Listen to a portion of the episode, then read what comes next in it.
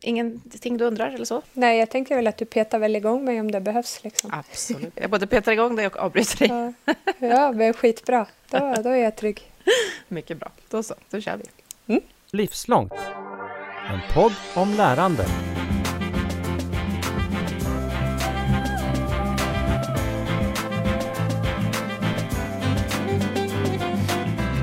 Min gäst idag har, får man säga, helt fantastiskt många strängar på sin lyra, som man säger. Eh, jag gillar att plugga, stod det i ett mejl till mig. Jag kan säga att det syns i både CV och praktik, och det är väldigt lämpligt för en podd som Livslångt.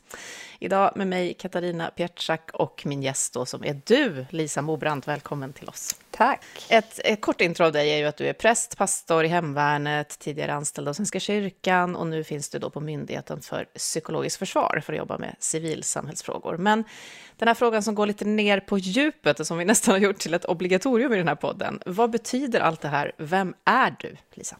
Ja, men alltså det, det blir ju nästan så att jag definierar mig själv utifrån det här lärandet faktiskt. Så det var därför jag blev extra glad när jag blev tillfrågad att vara med. För att det är väl någonting som har präglat mig hela livet att jag innan började skolan som småbarn längtade efter att få börja i skolan.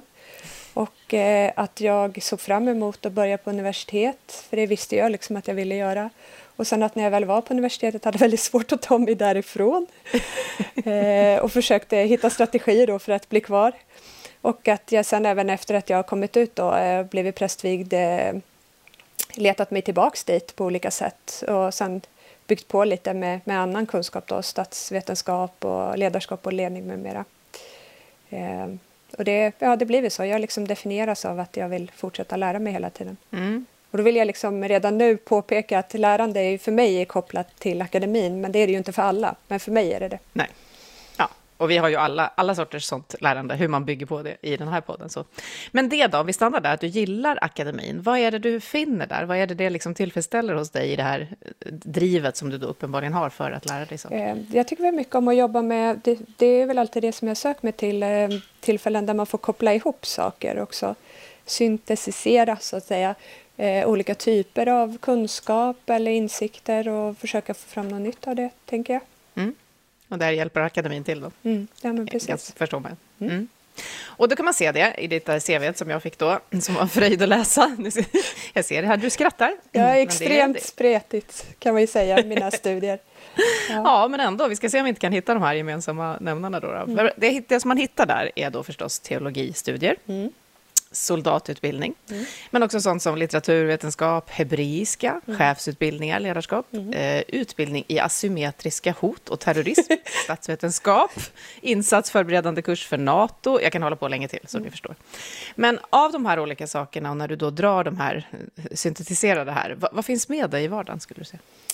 Eh, jag tänker väl att det är en kombination av det här eh, tolkningsvetenskapen, som, eller hermeneutik som det då kallas, inom både litteraturvetenskap men också i språk när man är intresserad av just inte bara det grammatiska utan också hur olika typer av språk eh, för med sig olika typer av betydelser. Alltså att man blir ju präglad av, det finns det ju forskning på, det språket som man använder präglar också hur man tänker. Mm. Eh, och det har väl alltid det, liksom hermeneutik, tolkning eh, och olika, typer, eh, olika sätt att förstå verkligheten. är väl det som jag tycker... Ja. Och att det jag vill syssla med är ju alltid att det handlar om att skapa mening, så att säga. Men präst och kyrka och försvarsmakt i relation till det du sa nu, eh, och så nu psykologiskt försvar på myndighet. Vilka är broarna som du ser här med, med hjälp av språk eller annat? Ja, nej men alltså, jag tycker det är ganska självklart egentligen. Det handlar ju om att eh, göra någonting för något annat än en själv och att försöka eh, samla ihop människor, men alltså skapa mening och så vidare. Eh, och där finns det väl kanske någon slags ja, vanföreställning om Försvarsmakten att det inte skulle vara mm. eh, en gemenskap utan att det skulle liksom vara ganska själlöst. Men jag tycker tvärtom att det är en av de få verksamheter i Sverige som är ett ganska individualistiskt land där man faktiskt lär sig att fungera bra i grupp. Och också kanske att man, man lär sig att bli bra men man eh, jobbar inte med att vinna på bekostnad av andra i gruppen utan hela gruppen ska vara med. Ingen är färdig förrän alla är färdiga brukar man säga. Mm. Och är det några, finns det några skillnader rent ideologiskt att jobba i de här två olika verksamheterna då med, med det som du gör? Nej, jag tänker väl att egentligen så är det ju kulturer som väldigt länge hörde ihop. Alltså båda två var ju statliga verksamheter som eh, sysslade med allvarliga saker, allvarliga frågor. Och nu är ju Svenska kyrkan inte längre statlig, men den bär ju ändå liksom ett arv av att vara det stället dit människor går vid viktiga punkter i sitt liv. Mm. Alltså det är dop, vigsel, begravning. Eh, och att det blir en slags samlande gemenskap. Så ditt lärande, vad har du kunnat ta med dig mellan de här olika verksamheterna och dit där du är idag? Vad skulle du säga att du liksom hela tiden bygger på då med hjälp av, av det här, mm. bortanför akademin? Jo, ja, men jag tänker väl att eh, min, eh, min uppgift i Försvarsmakten var ju att vara präst eller pastor som det kallas då. Eh, och eh, jag kan ju aldrig låta bli att påpeka, jag, var, jag är inte i hemvärnet utan jag är i den vanliga Försvarsmakten, men eh, det är inte jättestor skillnad egentligen. Eh, men eh, där, eh, där var ju det min uppgift i Försvarsmakten, att diskutera de svåra frågorna, att förbereda eh, rekryter, soldater och även civilanställda eh, och anhöriga för den delen eh, på de svåra frågorna och stötta upp när någonting händer och arbetar mycket med ansvar. Vad har jag för ansvar? När jag har makt har jag också ansvar och hur hanterar jag det?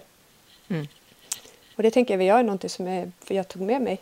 Och sen insåg jag väl att ju längre jag var i Försvarsmakten desto mer kände jag att jag behövde eh, lära mig ännu mer om, om just beredskapsdelen eller insatsdelen och hur man gör ett bra arbete under pressade förhållanden.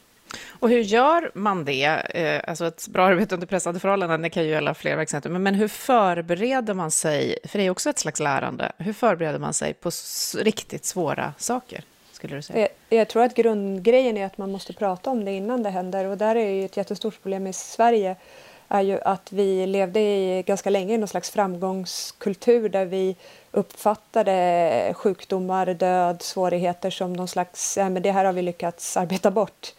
Eh, och därför när det händer, för det kommer ju alltid att hända någon gång, så blir folk helt halvfallna. De har liksom ingen programmering för det. Och det är klart att det kanske inte är världens roligaste sak att prata med 22-åriga ungdomar om att de ska fylla i sitt livsarkiv eller vitarkivet för att det de håller på med är farligt.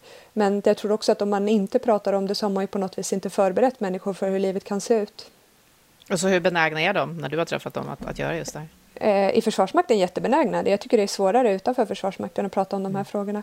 Eh, för det finns ju kanske i ganska många verksamheter också en ovilja att diskutera svagheter och svårigheter. Eh, och det har vi lite samma med den här kulturen där man hela tiden ska sälja in den här oövervinneligheten. Och det tänker jag skapar ett ganska hårt samhälle som är både hårt men också ett samhälle som saknar resiliens, alltså motståndskraft mm. mot svårigheter. Och då har du ju då eh, valt att just gå till ett slags beredskaps, ännu, ännu ett beredskapsarbete på Myndigheten för psykologiskt ja. försvar. En ganska ny myndighet ju, som också numera är en så mm. kallad beredskapsmyndighet. Hur skulle du beskriva eh, ert uppdrag där? Ja, vi har ju ett tudelat uppdrag kan man säga. Att vi har ju eh, ett operativt uppdrag att, att upptäcka och analysera och bemöta de hot som riktas mot Sverige då ifrån utländska aktörer, eh, internationella aktörer, eh, eftersom det inhemska så att säga, det, det sköts ju av andra i Sverige. Och det är informationskampanjer av olika slag. Eh, och, och sen har vi den här andra delen som är det som jag jobbar med då bland annat och det kallar vi förmågehöjning. Eh, och det handlar ju helt enkelt om att skapa en förbered, eh, förberedelse och också hjälpa olika organisationer, aktörer i samhället att, att förstå hur det här fungerar och hur man kan motverka det. Men också tycker jag jobba positivt med att få folk att börja fundera på vad, vad är det som vi försvarar i det här landet? Vad är det som är unikt för landet och hur ska vi hjälpas åt att försvara det?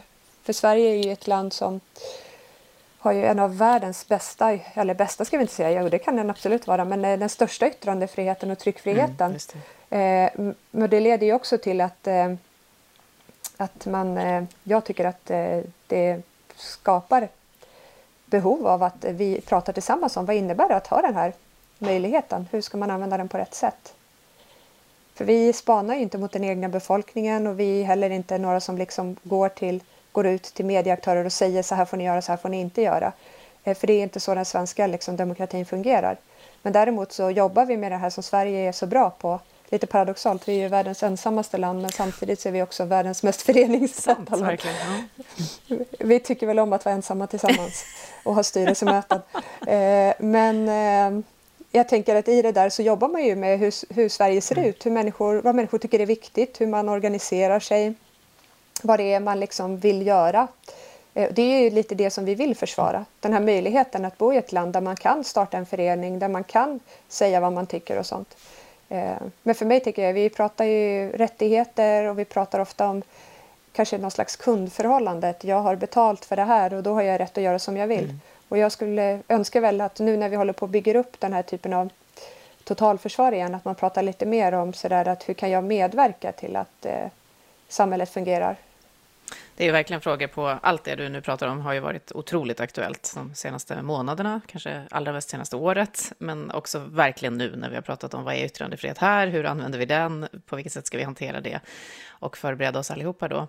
Men jag tänker också på att eh, senast igår pratade jag i något möte med någon om det här att försöka nå människor med så här svåra saker eh, med just så här att mm. informera eh, människor om, alltså mm. intellektuellt försöka få med sig mm. människor ombord på någonting, att det är väldigt svårt. Därför att förändrade beteenden och att hoppa ombord någonting, på någonting eh, kopplar mycket till våra känslocentra. Liksom. Mm. Hur, hur tänker du kring det där? Ja, och det är ju egentligen, tänker jag, det är det som är också våra hotaktörer jobbar ju just det här med att eh, känslomässigt kidnappa våra, vår uppfattning om verkligheten. Eh, att skapa en känsla av att eh, det, ens tillvaro är hotad och att man slår ju sig ofta in på viktiga värderingar eller saker som är känslomässigt viktiga och, och försöker skapa en känsla av att det här är, det här är, far, eh, det är på väg att hotas, du måste göra någonting åt det här.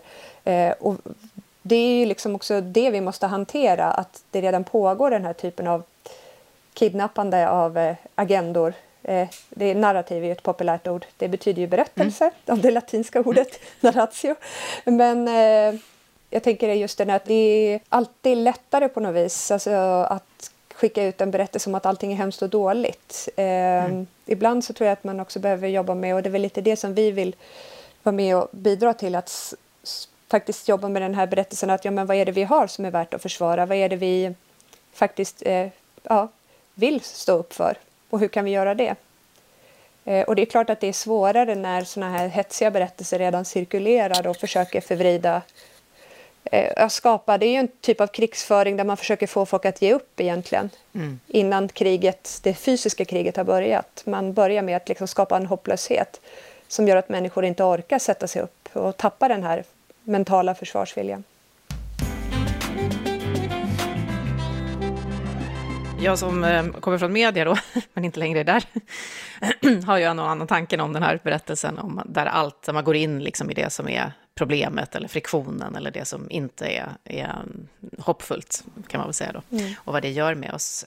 Um, hur, vad är ett psykologiskt försvar då i en sån situation, eller det som ni försöker skapa, en, en motberättelse, en annan berättelse? Va, vad är ett psykologiskt försvar, skulle du säga? Ja, alltså det är det som är det roliga, att nästan alla andra myndigheter i Försvarsmakten, det är ju de grönklädda och blåklädda människorna som, som gör det här.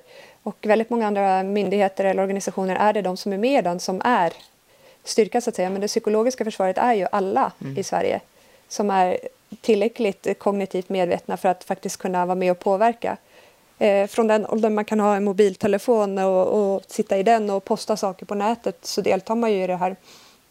Från den åldern man liksom börjar intressera sig för andra människor och så är man en del av det psykologiska försvaret om man faktiskt försvarar den här rätten att mötas, rätten att få tro och tycka vad man vill, rätten att få leva det livet och därför så måste vi jobba mycket med eh, att eh, aktivera de inneboende resurserna hos befolkningen. Och det är ju såklart lättare med de som redan har det här som sin organisationsidé. Jag tänker frivilliga försvarsföreningar, beredskaps och så vidare. Människor som liksom har det som ett intresse. Och, eh, och ja, alla de här som betraktades som möpar förut. men nu har vi fått rätt. Men det är inte så roligt att ha rätt alltid. Eh, men eh, jag tänker att det också får folk att förstå att det finns annat också som är psykologiskt försvar. Och där tänker jag ju mycket på att man ofta inte tänker på all den här bakomarbetet för att samhället ska fungera. Det är inte alltid de som står längst fram liksom, och gör det här coola som egentligen bidrar till att samhället liksom håller ihop. Mm. Och där är det viktigt att vi får människor att känna att jo, men det spelar roll hur jag förhåller mig till verkligheten, hur jag engagerar mig, vad jag delar på nätet och inte vad jag liksom sprider för information. Eh, oavsett om jag då gör det inom ramen för ett föreningsengagemang eller inte. Och då är du inne på någonting som vi ju ofta eh, får både frågor om och kämpar själva med i olika sammanhang och annat, nämligen motivation för allt det här. Mm. Alltså att motivera, och i ditt, eller ert fall, vårt fall, eh, ett helt civilsamhälle. En, en försvarsvilja ja. av det vi har, som, som du sa då. Hur får man liksom ett mm. helt land att vilja lära sig att öka motståndskraften? Jag, jag kämpar i mina sammanhang, men det här är ett helt, ett helt land, en hel befolkning. Ja, men det, jag tänker väl att, eh, jag sa oceanen med en sked, eh, men det är ju bra att man gör det. Eh, jag tänker väl att det, det, den hopplösheten har jag väl, det, det, kan man ju såklart möta också, det här att det spelar någon roll vad jag gör, men jag tänker också att, att det, det, man har ju möjlighet att påverka en, en så stor bild av, av, sin omgivning och då får man jobba med det. Och jag har ju förmånen att faktiskt eh, få påverka en ganska stor del av omgivningen genom mitt jobb och liksom genom mina kontakter och sånt. Och då tycker jag att det, vad får du för kvitton då? Vad får du för feedback på när du känner, så att du känner nu har jag verkligen gjort ja, men Det är väl tänker när jag upplever att människor säger att ah, men nu fattar jag vad det här är för något eller nu förstår jag varför det spelar roll. Men det är väl som med allt lärande tänker jag att eh, det är för lärare, det är för människor som eh, skapar konst och musik och sånt så är det inte alltid man själv får kvittot utan att det trillar ut någon annanstans. Där hade jag en, en eh, jättebra präst som sa till mig när jag prästvigdes att eh, du får komma ihåg att du skördar vad någon annan har sått och sen om allting går bra så är det du som sår det som någon annan skördar. Och det är väl lite den långsiktigheten man måste jobba med i det här. Att man kan inte, det är inte som att, jag vet inte, måla en vägg och se att det är klart samma dag utan man eh, måste, man måste jobba med långa perspektiv. Mm. Så, så hur målar du den där väggen? Hur ser en vanlig dag ut på jobbet? Ja, nej, men det är väldigt roligt nu när, eh, eller jag tycker det är hemskt roligt att vara med i en alldeles ny myndighet för att det är ju väldigt eh, också, finns ett stor nyfikenhet och intresse och det är mycket av det går ju, utgår ju nu ut, eh, ur mitt perspektiv där jag jobbar med civilsamhällesengagemang är ju att försöka möta upp alla de här intressanta frågorna som kommer, all, alla som vill att man ska bidra på något sätt. Eh, och sen också försöka koppla ihop det. För att det viktiga är ju så att säga inte att vi gör hela jobbet, för vi är bara en liten myndighet, utan att vi hjälper till att koppla ihop olika aktörer med varandra så att de tillsammans gör jobbet. Och där har vi ju flera som jobbar på den här avdelningen. Några som jobbar med regionala aktörer och kommunala aktörer, olika typer av myndigheter och statliga. Lite några som jobbar med utbildning, några som tittar på forskning för att vi också, det vi gör ska vara förankrat. Det ska liksom inte bara vara en känsla av att det här är bra utan att vi försöker analysera verkligheten så att säga. Men jag och mina närmaste kollegor då som jobbar främst med ungdomar, eh, vi eh, har ju den här möjligheten att verkligen vara ute hela tiden. Ibland brukar jag skämta och säga att jag är någon slags handelsresande i totalförsvar. Eh, och det, stäm, det är ganska likt att vara konfirmandledare mm. eller präst eller eh, att eh, jobba med att undervisa rekryter i eh, våldsmonopolets ansvar och så vidare. Eh, det är någon typ av undervisning som då kanske inte är att lära sig sakkunskaper lika mycket som att lära sig förhållningssätt. Mm. Och målet med den här undervisningen är ju på något vis inte att de ska klara en, en tenta eller ett prov utan att de ska få med sig redskap som de har glädje av sen resten av livet och kanske gör att de förstår verkligheten lite bättre. Och om du då jobbar med just unga, jag som också har lite mm. äldre mm. barn, så blir jag mm. nyfiken på hur balanserar du liksom, för mm. barn och unga behöver ju verkligen ett hopp. Man måste mm. verkligen känna att det, och det, just nu mm. har ju det varit svårt för dem, verkligen. Det har. Många undersökningar visar ju att de känner mörker framåt. Så. Att balansera hopp med, jo men så här ser verkligheten ut och du måste förbereda dig på den och du måste bygga ett försvar för den. Ja, nej, men jag tänker, nu är det ju eh, mina närmaste kollegor som jobbar lite mer med unga, men jag jobbar ju fortfarande med unga. Jag tänker väl att det som jag tror att många pratar ju om unga som att de är ovetande och det tror jag verkligen inte. Jag tror att de vet mer än vad jag visste när jag var i den åldern. Eh, men snarare handlar det om att kunna sortera allt det där de får reda på. För det mycket man får nu är ju väldigt osorterat och det, man jobbar ju också med multiplicering. Att det är ju samma som med reklam eller informationspåverkan att genom att stacka saker på varandra så skapar man en känsla av att det är större än vad det är. Eh, och det är väl ofta den här sorteringen som jag upplever att unga behöver hjälp med för att det är ju också rent kognitivt något som man faktiskt inte är klar med förrän man är kanske i 25-årsåldern om jag har förstått saken rätt. Nice. Eh, lite senare för killar. eh, men, eh, men jag tänker just den här att, att hjälpa till att, att eh, skapa ramar kring verkligheten eller eh, sortera det, det som man har fått veta Och kanske också kunna skilja på vad som är viktigt och angeläget och vad som inte är det. Det, det tror jag är det viktigaste. Eh, för att jag tror verkligen inte att unga är ovetande. Mm. Och de är också väldigt i allmänhet engagerade och intresserade av att hantera verkligheten. Eh, det är bara att de kanske inte har samma... Jag tänker med, med åldern och med erfarenheten och det är mycket det man får lära sig när man läser beredskap och insats. Eh, det är ju det här att lära sig att ta det lite lugnare än vad man tror att man behöver. Att inte vara så stressad utan att för, först försöka förstå innan man hanterar ett problem. Eh, så att man inte stressar och eh, ja, gör, gör, fel för att man är stressad helt enkelt. Ja, känner igen mycket. Och att man inte kan låta till exempel nyhetsnotiser och annat bara skölja över en för att det blir väldigt svårt att sortera. Mm. Ja, men alltså det är ju det här Ibland så brukar jag säga åt folk också att stänga av alla mm. sina såna notiser och så kan man gå in och i sin egen takt läsa. För det är ganska få saker som dyker upp som verkligen måste åtgärdas precis, mm. precis nu. Ja, jag har gjort det. Eh, och jag tycker väl ändå, och då har jag ändå jobbat i media väldigt länge. Jag tycker ändå inte att jag känner mig oinformerad. Mm. Som jag sa då förut, när jag läste lite om det innan och när vi mejlade och så där, så fastnade jag för något som jag upplever att vi har gemensamt som en slags strävan och fokus på olika sätt kanske, men också gemensamma, nämligen då meningsskapande. Eh, mina erfarenheter med lärande är ju att det är fruktansvärt mycket svårare eh, när man ska försöka initiera lärande hos någon eller en grupp eh, utan att man upplever och får vara med och skapa sin egen mening ja. och drar den tillsammans. Så, så vad skulle du säga, hur jobbar du med att, att skapa mening i olika sammanhang? Ja, alltså jag, jag, tänker att det som är viktigt där är väl kanske att försöka hitta nivån på saker eh, så att, eh, att det faktiskt blir meningsfullt. Eh, det blir ju så lätt också. Eh, jag kan väl fungera så att när jag tycker någonting är spännande att jag liksom eh, trycker ut för mycket information.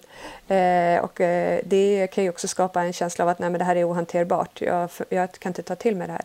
Utan att försöka hitta rätt nivå och hur mycket behöver man veta eh, av det här för att kunna fortsätta själv. Och kanske också det viktiga med lärande är egentligen inte vem det var som lärde ut utan att det på något vis skedde inlärning. Så att man inte binder, binder människor till sig utan snarare hjälper dem att se nu får du så här mycket av mig och sen så kan du gå vidare och leta här och här och hitta ännu mer. Eh, det tror jag är väl det viktiga. I synnerhet den typen av verksamhet som jag har nu så är det ju liksom inte serier heller. Det är annorlunda när man är, kanske om man är lärare eller om man har en konfirmandklass att man, eh, då kommer, träffas man ju igen och igen och kan liksom bygga på. Eh, och då är det, här är det ju ofta någon enstaka gång, kanske någon uppföljning och då, då får man ju jobba lite mer med att hitta en bottenplatta och sen hjälpa folk att förstå. Jag tror att det, man brukar ju prata om den här utvecklingskurvan när man lär att det var väl Sokrates som sa det först, eller Platon via Sokrates, att eh, när man liksom kommer till en viss punkt så inser man hur lite man vet. Mm. Någonstans i mitten inträder ju den här punkten när man tror att man är färdiglärd och det är väl många som slutar där då. Men det är ju, eller så mm. fortsätter man lite till och så inser man att oj, det, jag, det finns väldigt mycket mer att lära. Och eh, det kan ju vara skrämmande såklart, men jag tänker också att det kan ju skapa en ganska bra ödmjukhet inför tillvaron och göra, göra att man blir nyfiken och faktiskt vill lära sig mer, fortsätta lära sig. Inte känna att ja, men nu kan jag det här, då kan jag, ja, nu klar, kan jag så jag klarar tentan. Utan att det liksom fortsätter lärandet. Ja, men jag kan ju villigt erkänna att en del saker jag har lärt mig har jag faktiskt varit glad bara när jag klarat tentan och tänkt att det här ska jag aldrig mer ja, hålla på med ja. igen. Så tror jag det är för alla. Ja, det var väl också nuddat någon gång vi här tidigare. Det finns vissa saker som man bara, ja, ja, om jag ska ta mitt körkort så måste jag plugga in det här, det går inte på något annat sätt. Men jag upplever också idag att det finns lite så här bristande, kanske beroende på en rörig omvärld och mycket liksom, mindre hopp i olika sammanhang, så att det finns lite bristande ork. Jag orkar inte lära mig massa nya saker mer. Det, det, är, för, det är för rörigt det jag hanterar redan så. Är det något du känner igen? Ja, men jag tänker också att det har att göra med det här missförståndet om fakta. tänker jag. Att man har uppfattat fakta och åsikter ungefär samma sak. Så att när någon kommer med fakta som faktiskt har på fötterna så måste man förhålla sig till det där och ha en åsikt. Och jag tänker det finns vissa fakta som bara är liksom, gravitationen existerar, vi behöver inte diskutera det. Eh, men man måste hela tiden ha en åsikt och jag tror det är det som många blir trötta av. Att, att, att, jag tror att det, ska säga, källkritik är oerhört viktigt men om man bara lär ut källkritik utan att prata om hur är det och hur använder man det mm. så att det bara blir en så här reflexrespons att ifrågasätta allt man hör att man uppfattar sig som upplyst för att man ifrågasätter allt. Eh, då blir det ju bara någon sån här cirkelresonemang där man bara ifrågasätter och eh, inte är beredd att landa ner i någon slags... Det finns ju liksom vissa fakta om tillvaron och så finns det mycket som är öppet för tolkning. Mm. Och jag tror att man blir lite mer eh, avslappnad om man inte hela tiden känner att man måste ha en åsikt om allting utan man kan bara, jaha, ja, ja det får jag fundera på.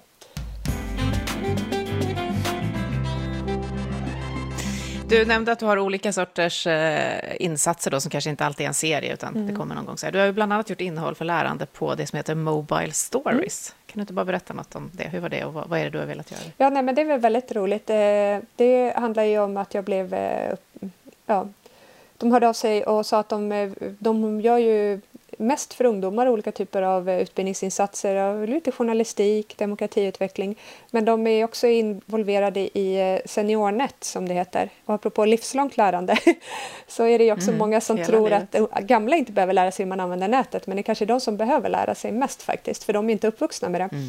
Och det här är en kursomgång då som de har lite olika aspekter av hur man kan förhålla sig till nät, sitt eget nätanvändande som de hörde av sig om. Och eh, då skulle vi spela in en liten kortfilm. Jag heter Lisa Mobrand och jag är utredare på Myndigheten för psykologiskt försvar. Och nu ska du få lära dig lite grann om hur du kan bli bättre på att stå emot informationspåverkan. Eh, och eh, det är ju alltid spännande det här när man får fyra fem minuter på sig. Jag kan ju prata hur länge som helst för att saker är så spännande men det är, tror jag är också väldigt bra det här att kunna försöka sortera hur mycket, hur mycket kan jag lära ut på fem minuter. Och ja, och då blev det en sån fem minuters. Mm. Då ska du få en övningsfråga av mig. Du har en vän på Facebook som du har haft i ganska många år och din vän på Facebook är väldigt engagerad i alla sorters frågor som handlar om miljö och natur. Och nu ser du att din vän har delat ett klipp, ett filmklipp där en massa människor släpas bort av polisen. De är i ett skogsområde av något slag. Och så säger en röst på engelska i det här filmklippet att eh, EU har bestämt att allemansrätten ska tas bort för att eh, ja, det blir för svårt att utvinna mineraler. då. och därför så tänker man passa på att ta det här beslutet nu när Sverige ändå är ordförande i EU för att då går det lite snabbare. Då behöver man inte gå via riksdag och regering. Och så ser man ett klipp i den här filmen hur EU-parlamentet sitter och sammanträder. Och din vän är såklart jätteupprörd och en massa människor har ja, likat och kommenterat under hennes inlägg.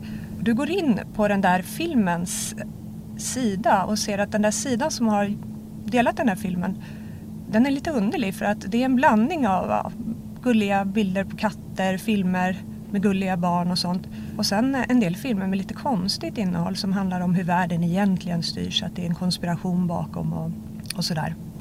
Vad skulle du vilja ge för råd till din vän?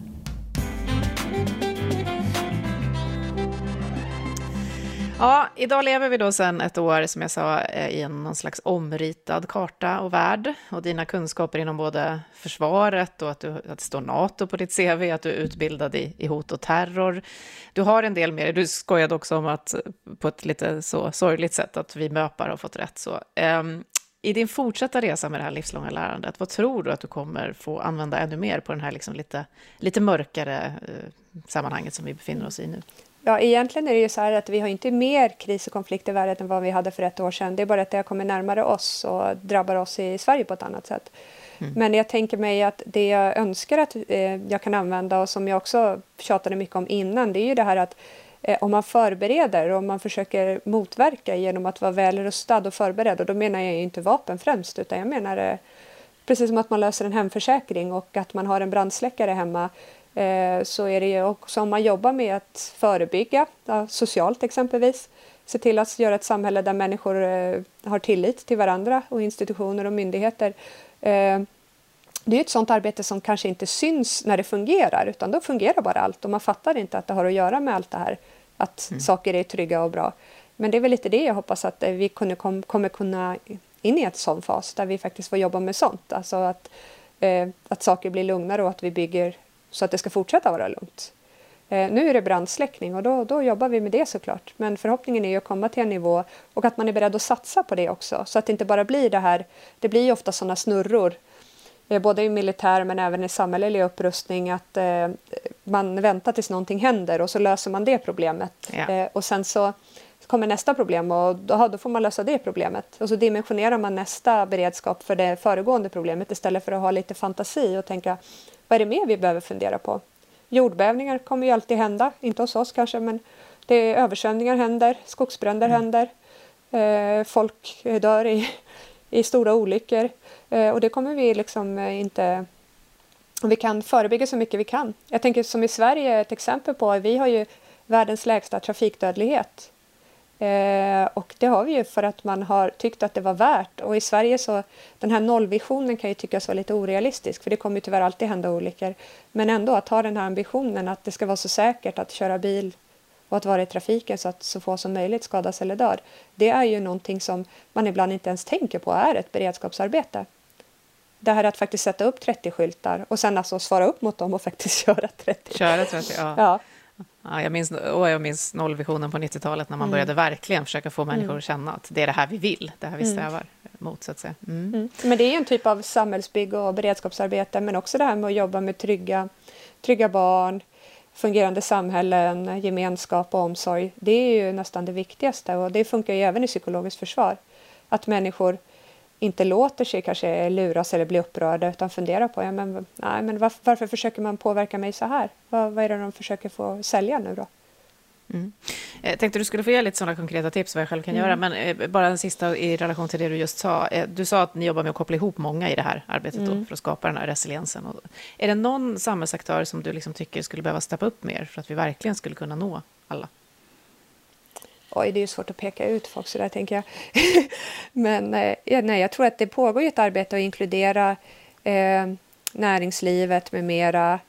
Och jag tänker väl att det är lite där som jag känner att eh, det finns ju de som har det som sin affärsidé kan man säga, att jobba med sådana här saker. Men jag skulle önska att det blev en större känsla också av att eh, det finns andra mått med det jag gör än att eh, ja, års, årsbokslutet eller aktieutdelningen. Eh, och jag känner väl att det, det pågår ett arbete nu ganska brett eh, även där. Eh, och inom civilsamhället så tänker jag framför allt att det är viktigt att även de organisationerna som och föreningar som inte primärt sysslar med beredskap funderar på ja, men vänta, vad är det vi gör som upprätthåller samhället och hur kan vi göra mm. det ännu mer? Jag tycker också att jag ser sådana tendenser och att det blir lite, lite mer in, implementerat i det vanliga arbetet. Man pratar inte så jättemycket om CRM-arbete idag, utan, till exempel. Mm. Utan man försöker få in det i vanlig verksamhet. Så. Ja, men precis. Okej, men avslutningsvis då, om jag ska bygga ett psykologiskt försvar, hur gör jag och vad, vad är det jag ska vara obs på i de här narrativen som kommer att försöka störa ut det hos mig? Nej, jag tänker, när jag har haft sådana här föreläsningar och föredrag och sånt så är det ju ofta en del människor, och det är oftast människor i, som, är, som jag, medelklass, välutbildad, säger eh, när vi till exempel tar upp den här LVU-kampanjen, ja men hur kan de gå på det där? Eh, och då tycker jag man är tillbaka i det här att, eh, att om man tror att man är färdiglärd, om man tror att man själv aldrig skulle kunna bli rov för känslor eller bli lurad och sånt där, då, då har man mycket kvar att lära. Eh, och där är ju till exempel unga människor mycket mer ödmjuka. Så det handlar ju om den här insikten att eh, vad, vad, den här informationen, varför får jag den? Vad, vad är det man vill mm. åstadkomma? Och att man ska vara särskilt uppmärksam om det är någonting som handlar om starka känslor. Och exempel på det är ju till exempel barn. Ja, den här eh, gruppen är ju den omhändertagna ja, barn. Som, mm. Ja, barn och familj, fred, miljö. Och det betyder ju inte att man ska vara skeptisk mot människor som vill liksom, eh, göra någonting för barn eller fred eller miljö. Men man ska ju alltid fundera på, är det här på riktigt någonting som som hjälper barn, fred, miljön? Eller är det någonting där man säljer någonting annat med de här orden? Eh, försöker man eh, vrida de här orden till något annat eh, och eh, förändra min förhållningssätt till verkligheten? Eh, och sen tycker jag väl också, eh, också att vara lugn. Det är ju sällan man behöver vara snabb och reagera på någonting snabbt. Man måste inte dela direkt. Man kan faktiskt gå och lägga sig och sova på saken. Och också när man blir upprörd så är det inte alltid bra att bemöta saker man blir upprörd på eh, sådär kriga på internet. Utan det kan vara lite mer stillsamt bara att nej men vänta vad menar du nu om man uppfattar att någon postar något väldigt konstigt eller eh, alltså helt enkelt låta ja, vara lite lågaffektiv i bemötandet faktiskt. Det tog lång tid innan jag lärde mig det tror jag. Just när, när hela sociala mm. medieexplosionen och internet kom så var det väldigt mm. många triggers för det. Så jag tror att det, det är nog mm. ett klokt råd till många idag.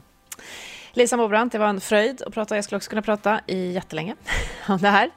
Men eh, det, vi har lärt oss väldigt mycket om eh, att försöka tänka kring eh, vår berättelse och vad som vi faktiskt egentligen har och beredskap, vad det innebär och då psykologiskt försvar, hur vi kan alla bidra till få med oss alla på det. Mm. Eh, präst har du varit tidigare anställd i Svenska kyrkan och nu alltså på Myndigheten för psykologiskt försvar. Stort tack för att du var med i Livslångt. Ja, tack så mycket.